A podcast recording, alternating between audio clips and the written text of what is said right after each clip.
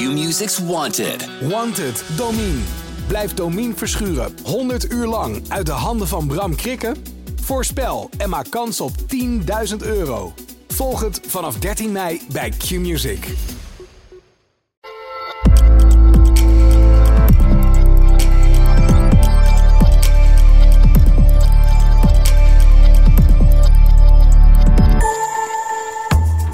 Tijd waarin steeds meer bedrijven digitaliseren, kan cybercrime enorm veel schade aanrichten. Ondernemer Pim van Berkel maakte dat al twee keer mee. In één geval werd het geheugen van de computers gehackt. En in het andere werd een digitale factuur vervalst. Hoe ga je met dit soort tegenslagen om? Wat betekent het voor je reputatie? En hoe kun je het risico overzichtelijk houden? We praten erover in Zicht op Zaken.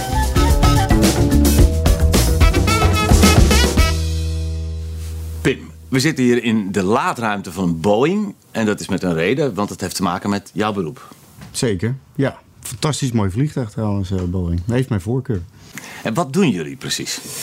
Wat we doen en waar ik me hele lange tijd mee heb bezig gehouden, is het onderhoud van vliegtuigen. Ik zelf dan niet. Ik ben zelf werk ik in de, in de financiën.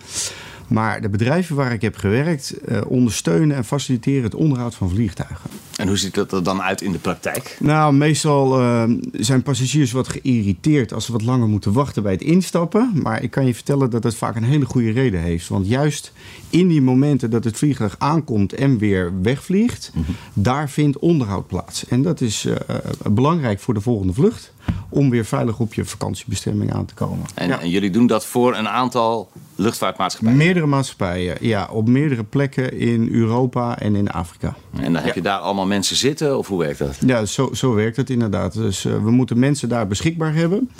Die hebben ook een uh, licentie. Dus die, uh, die zijn getraind, geschoold, maar ook heel specifiek voor dat type vliegtuig. Mm -hmm. Zoals we hier fantastisch mooi zitten in een Boeing, is, is een Airbus weer compleet anders gebouwd. Dus, dus iemand uh, die aan een Airbus mag sleutelen, die mag eigenlijk niet sleutelen aan een Boeing. Tenzij die ook die, die licentie heeft. Ja. ja, ja. Jij bent de CFO daar. Het is een bedrijfstak waar een heleboel gevoelige informatie digitaal opgeslagen is. Hè? Ja. Dan heb jij in een eerdere baan, in datzelfde, in dat, op datzelfde ja. werkterrein, heb je te maken gehad met een computerhack. Wat gebeurde daar precies? Ja, dat was uh, vrij bijzonder. Want je, je merkt het eigenlijk niet. Hè? Dus iedereen komt binnen, gaat achter zijn computer zitten, uh, pakt zijn e-mail op, pakt koffie. En uh, dan komen de eerste signalen binnen dat mensen zeggen van... hé, hey, uh, de server is wat traag. Of, uh, goh, ik, uh, ik, ik kom daar niet bij. Toen uh, hebben we twee developers uh, hadden we daar in dienst. Die zijn dus continu bezig met nieuwe software aan het developen... ter ondersteuning van uh, vliegtuigonderhoud. En die merkten dat ook op. En dan ga je dus kijken wie zit er allemaal op de server. Dus wie is er vandaag allemaal ingelogd? Hè? Thuiswerk is natuurlijk ook steeds populairder. En toen merkten we dat we een aantal ja, uh, onbekende gebruikers toegang ja. hadden tot onze server. En dat was echt wel. Uh, Wat schrikken dan? Ja, dat is, dat is eigenlijk wel meteen paniek. Uh, dat heeft ermee te maken dat de data die wij gebruiken is belangrijk voor het onderhoud van die vliegtuigen. Dus je kan je voorstellen als. Als we geen data hebben van een vliegtuig, hoe dat is onderhouden... en, en zijn volgende vlucht of zijn volgende nou ja, lease traject of, wat dan ook dan kan dat schade met zich meebrengen die, uh, die ernstige gevolgen kan hebben.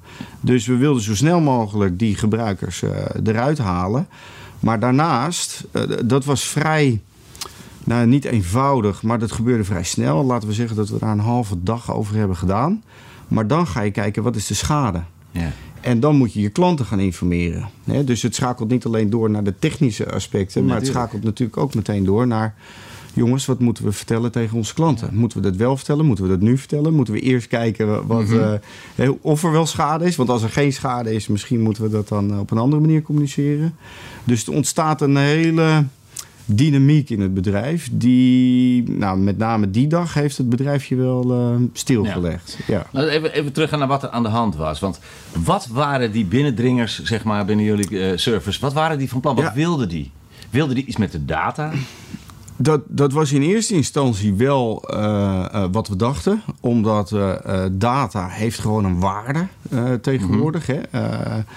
als je dus weet hoe, hoe, nou ja, gewoon hoe vaak een onderhoud gepleegd moet worden op een bepaald onderdeel van een bepaald type toestel, dan kan je daarop vooruit plannen en al dat soort zaken. Maar dat betekent maar dat dus was... dat als, als ze geknoeid zouden hebben met die data, dan zou direct de veiligheid van vliegtuigen in gevaar hebben kunnen komen. Ja, dat was onze grootste paniek. Ja, ja, ja. En we hebben eigenlijk vrij snel ontdekt dat uh, die gebruikers die wij niet kenden, dat die in de vrije ruimte zaten. Zo, zo wil ik het even benoemen. Ik ben ook geen IT-specialist. Zeg maar de ongebruikte maar de ongebruikte, de server. Ja, en toen. Uh, we weten het natuurlijk niet zeker, want we hebben het niet aan ze gevraagd, om het zo te zeggen. Maar we merkten duidelijk dat ze die servercapaciteit nodig hadden. Blijkbaar voor het minen van diverse crypto. Voor het minen van crypto. Leg me ja. even uit wat dat, wat dat precies is. Jij bent de financiële man. Ja, ik ben wel de financiële man, inderdaad. Uh, maar het minen van crypto is een, is een, is een technische bezigheid waar veel, heel veel calculaties nodig zijn. er zijn uh, uh, miljoenen uh, bitcoins, maar die zijn nog niet allemaal gevonden, om het zo te zeggen. Dus zodra jij bezig bent met een, met een hoogwaardige calculatie, waarbij je dus capaciteit van computers nodig hebt, zodra je dat lukt, dan is die bitcoin van jou. In plaats van dat je hem koopt uh, op, de, op de markt of via een provider. Ja. maar dan kan je hem dus ook zelf minen. Nou, er zijn van die hobbyisten die dat in hun zolderkamer of kelder hebben staan. Maar deze slimme, slimme IT'ers, die hebben weten binnen te dringen in onze systemen om die ruimte ja. te gebruiken, die capaciteit. Want die ruimte, dat geheugen, je hebt voor dat rekenwerk ontzettend veel geheugen Zeker, nodig. Zeker, ja. Dat wilden ze bij jullie gebruiken. Ja, en dat hadden wij ook, hè, hebben uh, ook ruimschoots aanwezig. Ja. Want de data van een vliegtuig zoals hij hier staat, uh, ik denk dat uh, de dozen met papier niet eens in de, in de complete toestel passen. Zoveel data, ja. Elke vliegbeweging wordt dus geregistreerd. Wat heeft dit voor jullie voor reputatieschade opgeleverd? Juist omdat vliegveiligheid zo ontzettend belangrijk ja. is. Eerlijk gezegd gelukkig heel weinig. Uh, dus we hebben hoe hebben jullie dat voor elkaar gekregen? Mm, nou, met een paar weken tijd wel. Uh, maar met name omdat ze dus bleek achteraf niet aan de data zijn gekomen. Dus ja. we hebben heel veel dubbelchecks gedaan. Heel veel extra controlewerkzaamheden. Dat hebben we dan weer in de avond moeten doen. Omdat overdag uh, ja, moeten we onze klanten bedienen. Dus er zit heel veel overwerk in. En weekend en pizza's en cola's en zoals dat altijd uh, gaat. Maar gelukkig is die data onbeschadigd uh, gebleven. Er is natuurlijk onduidelijk wat nou precies de schade ja. gaat zijn.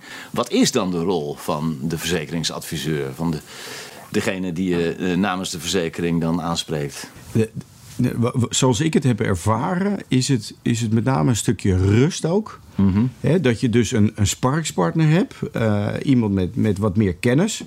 Misschien niet zozeer direct bij je relatiemanager. Uh, um, maar wel met zijn achterban.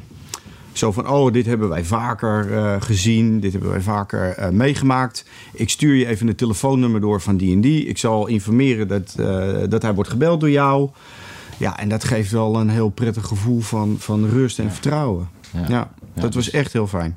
Dus in contact brengen met de, de, de experts die je dan met advies van dienst kunnen zijn. Wat doen jullie nu allemaal met Zicht? Nou, zij beheren onze verzekeringsportefeuille. Uh, van A tot Z. Ja, en dat lijkt heel simpel. Maar ik kan je vertellen dat uh, als je in Afrika zit... Ja, hè, er worden risico's verzekerd. Mm-hmm. En sommige dingen zijn meer zekerheid dan risico in Afrika. Dus in Afrika kan je niet altijd een verzekering kopen... zoals we dat hier in Nederland uh, heel makkelijk kunnen doen. Hè, die, die economie en wereld en, en belangen... die zitten daar anders in elkaar. Um, en dat is niet erg, maar dan moet je wel op voorbereiden. En zeker als je dus mensen uh, daar lokaal hebt zitten, die wil je van een pensioen voorzien. Die wil je dat ze verzekerd zijn als ze gaan reizen, als er een ongeval is tijdens het werk. We zitten hier vrij hoog in deze Boeing 747. Maar je kan je voorstellen, als je daar op de vleugel moet staan en je valt eraf, dan, dan uh, kan dat schade opleveren. Ja.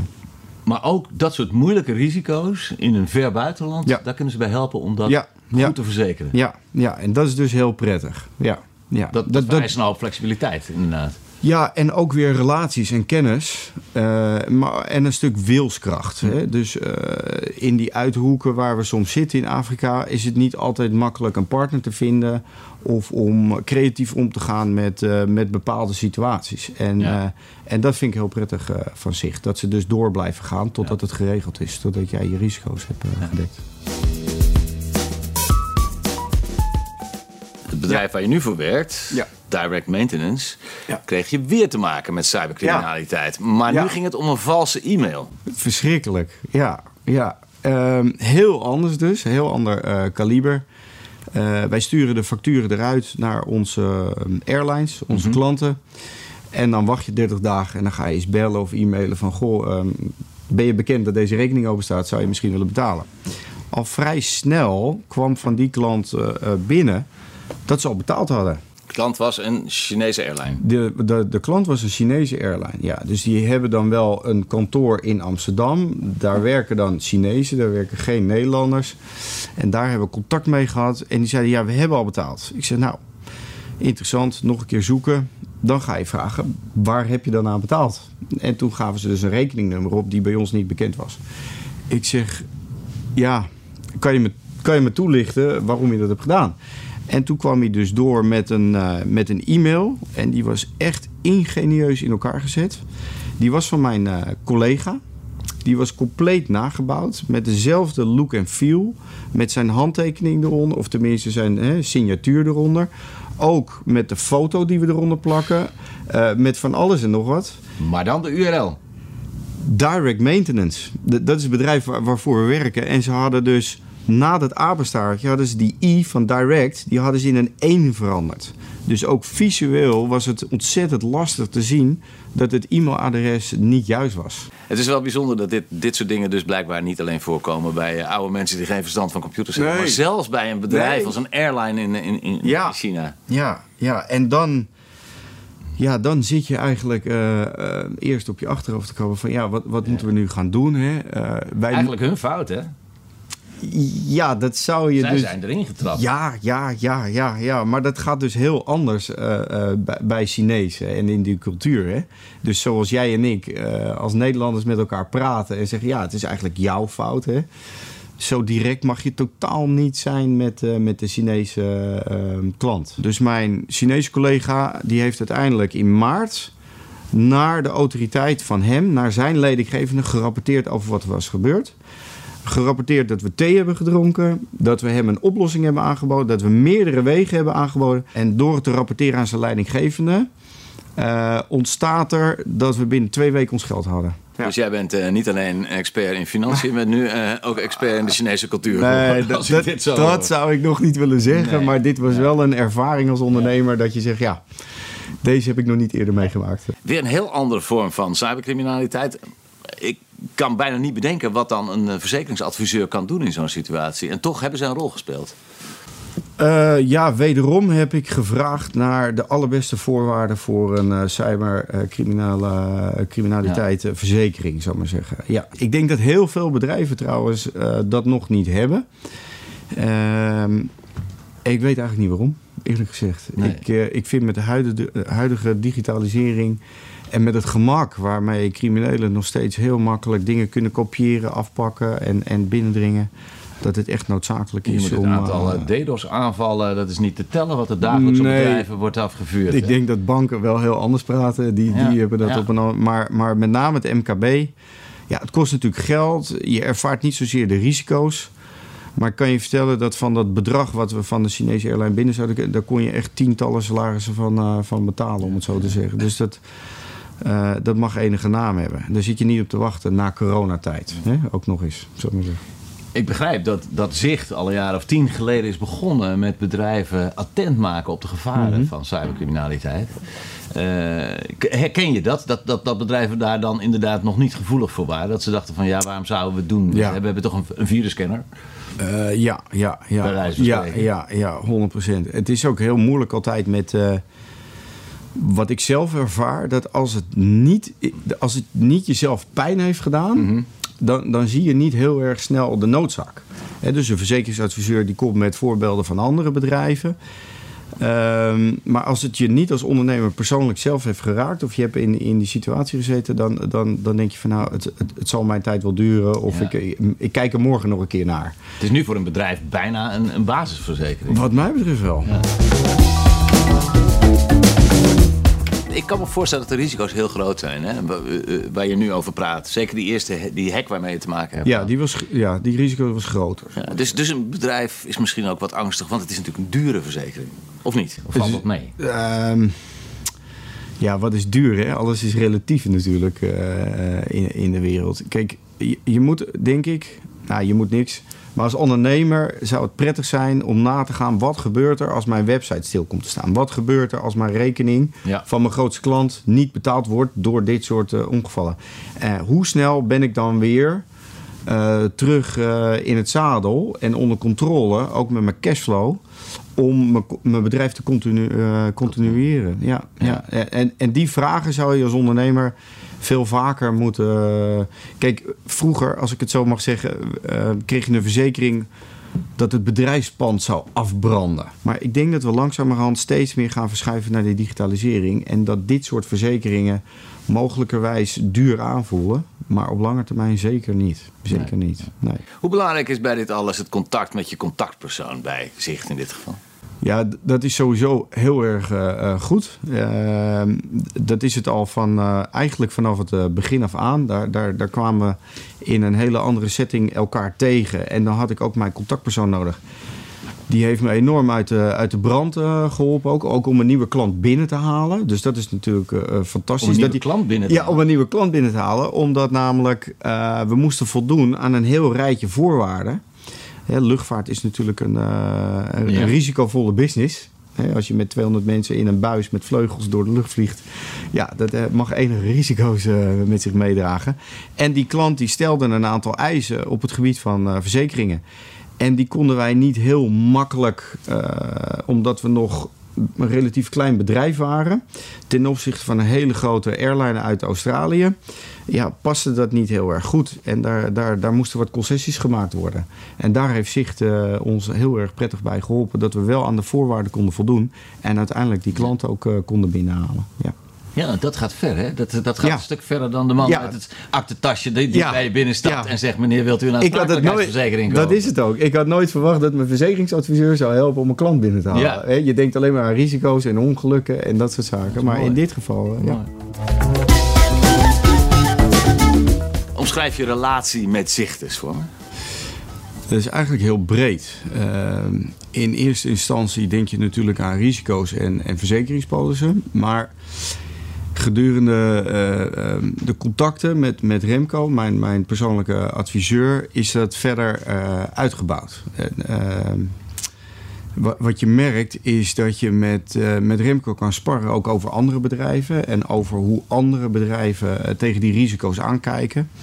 En eh, met name dat is, is heel erg prettig. Hè? Ik heb ehm, zojuist ook verteld dat, dat ze ooit hebben geholpen mij met het opstellen van een eh, verzekeringspolis, zodat we een nieuwe klant konden binnenhalen. Nou, dat is iets wat we nooit eerder hadden, hadden kunnen bedenken.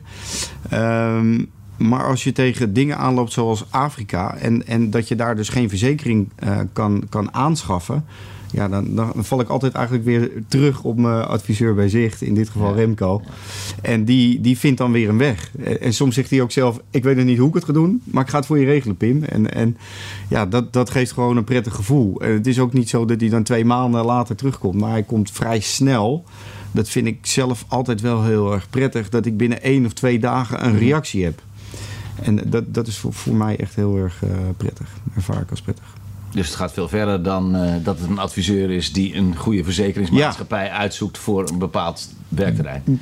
Ja, zeker veel Ja, verder. ja. Ja. dus hij denkt ook met je mee als ondernemer van, eh, van waar zitten nou jouw risico's en waar lig je wakker van en, en al dat soort zaken. Ja, Waar lig jij wakker van Ja. als ondernemer? Als- goeie als vraag. CFO van dit bedrijf. Ehm, eh, dat heeft met, met de fase te maken waarin we ons bevinden, zal ik maar zeggen, in, in, ontwikkeling van economie en, en, en ook de industrie zelf. Eh, maar momenteel lig ik wel wakker van het, het binnenhalen van, eh, van de vorderingen. Dus eh, onze airlines die hebben het zwaar. We merken dat ook aan de, aan de brandstofprijzen en de, de vliegticketprijzen die gaan dus omhoog. Uh, en iedere keer als we werkzaamheden verrichten aan een vliegtuig, sturen we een factuur uit. En je ziet dat die vertraging erin sluipt. Dus ze betalen niet meer binnen 30 dagen, ook niet meer binnen 40 dagen, maar dan hè, steeds langer. En we krijgen verzoeken binnen. Kunnen we, kunnen we het contract aanpassen? Dat we binnen 60 dagen uh, veranderen. En is dat debiteurenbeheer ook iets waar een verzeker, verzekeringsadviseur een rol kan Ja, zeker. Ja hoor, ja hoor. Dat, dat, uh, natuurlijk uh, kan je dat verzekeren, dat, dat, dat die vordering uh, totaal niet binnenkomt. Er zijn verschillende juridische zaken die je dan kan gebruiken. Maar daar ga je niet te snel toe over. Je wacht eerst. Nee, nee het is wel je klant inderdaad. Ja. En ja, we hebben afgesproken dat we een lange termijn relatie willen aangaan. Want het is niet als een bakker dat je de ene keer daar brood koopt en de andere keer daar brood koopt. Uh, het heeft met vertrouwen en betrouwbaarheid te maken, vliegveiligheid. Dus het is heel belangrijk dat je die lange termijn relatie met je klant opbouwt. Maar goed, ook onze klanten hebben het zwaar, maar we moeten daar wel een, uh, een, uh, een manier voor vinden. Ja, en het is ook vaak internationaal, hè? dus het is niet Nederlands. Mm -hmm. Waarbij je heel makkelijk snel kan schakelen, et cetera. Maar het zijn toch uh, ja, uh, Emirates. Hè? Die komen uit een hele andere hoek, uit het Midden-Oosten. Uh, Duitse klanten, Franse klanten, Spaanse klanten.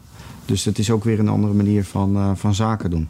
En die internationalisering die, die kan ik wel vinden bij, bij onze adviseurs. Dat is heel prettig. Wat is jouw achtergrond? Ja, ik, uh, ik kom uit een accountantsfamilie eigenlijk. Aha. Ja. Vandaar het financiële. Ja, toch wel. Want uh, na de Tweede Wereldoorlog is mijn opa als vierde in Nederland een accountsbedrijf begonnen. Uh, mijn opa zei, ja, na de Tweede Wereldoorlog was het belangrijker voor je, voor je klanten om te kijken of ze belasting konden besparen. He, dus dat was meer de inzet. Tegenwoordig is accountancy veel meer gegroeid naar audits en regelgeving en compliance en dat soort zaken. Maar daar is het, uh, is het echt uh, begonnen. Nou, mijn vader heeft het accountskantoor overgenomen. En mijn vader had ook de wens dat ik het accountskantoor uh, zou overnemen. Uiteindelijk heb ik een andere keuze gemaakt. Ja. He, dus ik ben wel in de financiële tak blijven hangen. Maar ik vond het zelf veel prettiger om met mensen in een bedrijf samen te werken aan strategie. En winstgevende groei en, en, en dat soort zaken. Dan alleen maar ja, cijfers te controleren die al in het verleden uh, liggen. Dus ik werk heel graag met mensen naar de toekomst toe. Ja. Vandaar dat ik financieel directeur ben geworden. Ja. Hoe ziet jouw toekomst eruit? Blijf je actief binnen dit bedrijf, binnen deze sector? Ja, dat is wel, uh, dat, dat is wel de bedoeling. Ja, ja, het is wel uh, zware tijden. Dus de subsidies zijn gestopt. Uh, binnenkort moeten we ook belasting gaan terugbetalen. Als we om ons heen kijken, is de markt nog niet echt opgetrokken tot oude niveaus. Uiteraard speelt Rusland en Oekraïne, die situatie daar speelt ook nog een rol. Uh, dus we, we hebben het wel, wel pittig, zal ik maar zeggen. Maar goed, ook dat biedt weer een uitdaging. Hè. Soms moet je groeien, soms moet je een beetje krimpen om weer door te kunnen. Hoe, hoe combineer jij werk en privé als je zoveel tijdrovende dingen doet? Dat lijkt zo, maar dat heeft te maken met vroeg opstaan. Dus voor mij zit de winst in de ochtend. In de ochtend gaan mijn kinderen, die komen uh, half slaperig beneden. Uh, die nemen een cappuccino en die gaan ontbijten. En die stappen op de fiets naar school. En natuurlijk vind ik dat prachtig om te zien. En daar ben ik ook heel vaak bij geweest. Maar momenteel pak ik wat vaker de ochtenden om zelf te gaan sporten. Dan ga ik naar mijn werk. En vanavond toevallig geef ik drie uur crossfitles. Dus vandaag is een drukke dag. Maar morgen is dan weer een rustdag, ja. Ja, maar overmorgen ga je weer crossfit. Ja, ja, dat dan wel. En na de les of voor de les uh, ga ik dan zelf even sporten. Dus ik, ja. ik, ik, ik, probeer het wel direct te combineren. Dat het in tijdblokken gestructureerd in mijn agenda staat. Zodat ik ook weer tijd ja. over... Want zaterdagmiddag en zondag wil ik naar het softbalveld... om mijn uh, dochters te zien spelen. Ja. ja. Eén, één, één eigenschap springt eruit. Hè? Je bent heel gedisciplineerd. Ja, dat zeggen dat mensen. Dat, toch wel? dat zeggen mensen wel over mij. En aan de andere kant vind ik dat het ook af en toe wel weer beter kan. Maar dat is hm. misschien een stukje perfectionisme wat er dan in zit. Ja. Maar, maar ja, ja, discipline, dat, dat, dat brengt je wel een stap, uh, stap verder. Maar jij bent niet iemand die aan het eind van zijn leven gaat zeggen van... Uh, goh, had ik maar meer tijd aan mijn gezin besteed. Nou, ik, ik vind, en dat, dat, die vraag stel ik ook op zondagochtend bij het ontbijt... vinden jullie dat ik er genoeg voor jullie ben? En dan zeggen ze gelukkig volmondig ja. Het is meer de combinatie en, en het flexibel inrichten van, uh, van je week. Dus uh, nee hoor, ik, uh, ik denk dat ze daar wel tevreden over zijn. je mag het ze zelf vragen, ja. Maar... Gaan we doen. Dankjewel. Alsjeblieft. Dit was de vierde aflevering van de videopodcast Zicht op Zaken. Wil je deze en andere afleveringen nog eens beluisteren? Zoek dan naar Zicht op Zaken op je favoriete podcastkanaal.